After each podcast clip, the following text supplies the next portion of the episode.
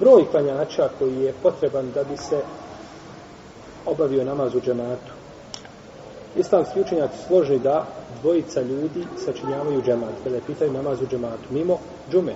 Ovdje ne pričamo o džumi, govorimo o namazu u džematu, znači propisani farz namaz mimo džume da se klanja, može se klanjati sa dvojicom.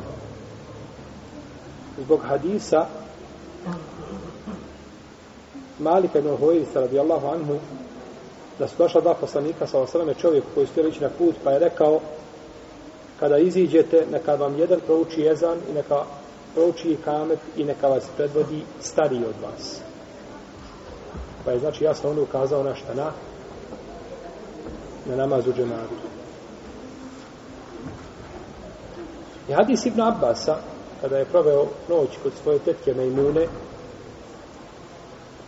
pa je ustao, kaže, ustao je poslanik sa osrame da klanja, pa se abdestio, pa sam i ja ustao i abdestio se na sličan način kako se on abdestio, sallallahu alaihi wa pa sam stao sa njegove lijeve strane, pa me on prebacio na desnu stranu.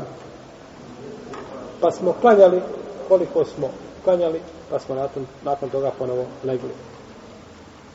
I prenosio se Zebu Sejid al-Hudri, radijallahu anhu, da je jedan čovjek zakasnio u džamiju, da je kasno došao, nije prispio na namaz u džematu, pa je rekao, hoće li neko podijeliti sedaku ovome čovjeku, to jest hoće li klanjati sa njim u džematu. Pa je ustao jedan prisutni, pa je klanjao sa njim u džematu. I govorili smo u poglavlju noćnog namaza da je Ibn Mesudi i Huzefe da su klanjali za poslanika sallallahu alaihi wa alaihi wa sallam.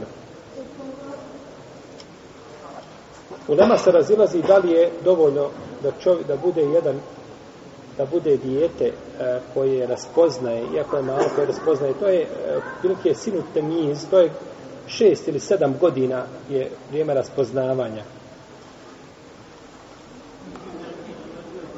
Ovo je kada je u pitanju farz. Kada je u pitanju farz. Ispravno je da može zbog hadisa Ibn Abbasa a nema nikakve razlike i nema dokaza koji ukazuje na razliku između farza i sunneta u ovome slučaju. Znači isti je, isti je propis.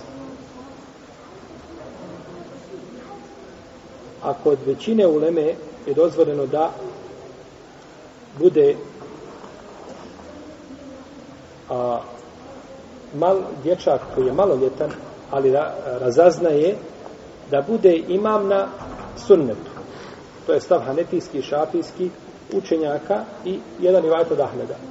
Pa ako mu dozvolim da bude imam na sunnetu, onda mu dozvolim da bude i muktedija na farzu. Jer govorimo da li može biti džemat sa jednom, sa imamom koji je punoljetan, znači, sliman, i sa djetetom koji je šta? Maloljetan, ali razaznaje. Dijete koje je maloljetno, ali ne razazne tri ili četiri godine, to nije džemat. To je sam namaz. Jer to dijete, on ostaje za tebe, žuri prije tebe. Znači, ne može razaznati, ne može još skopčati namaz, šta, u džematu. Dijete koje razazne, kao dijete 7 ili 8 godina, ako može biti imam na teravi, onda može biti i muktedija na propisanim namazima. To je manja odgovornost da bude muktedija nego da bude nego da bude imam.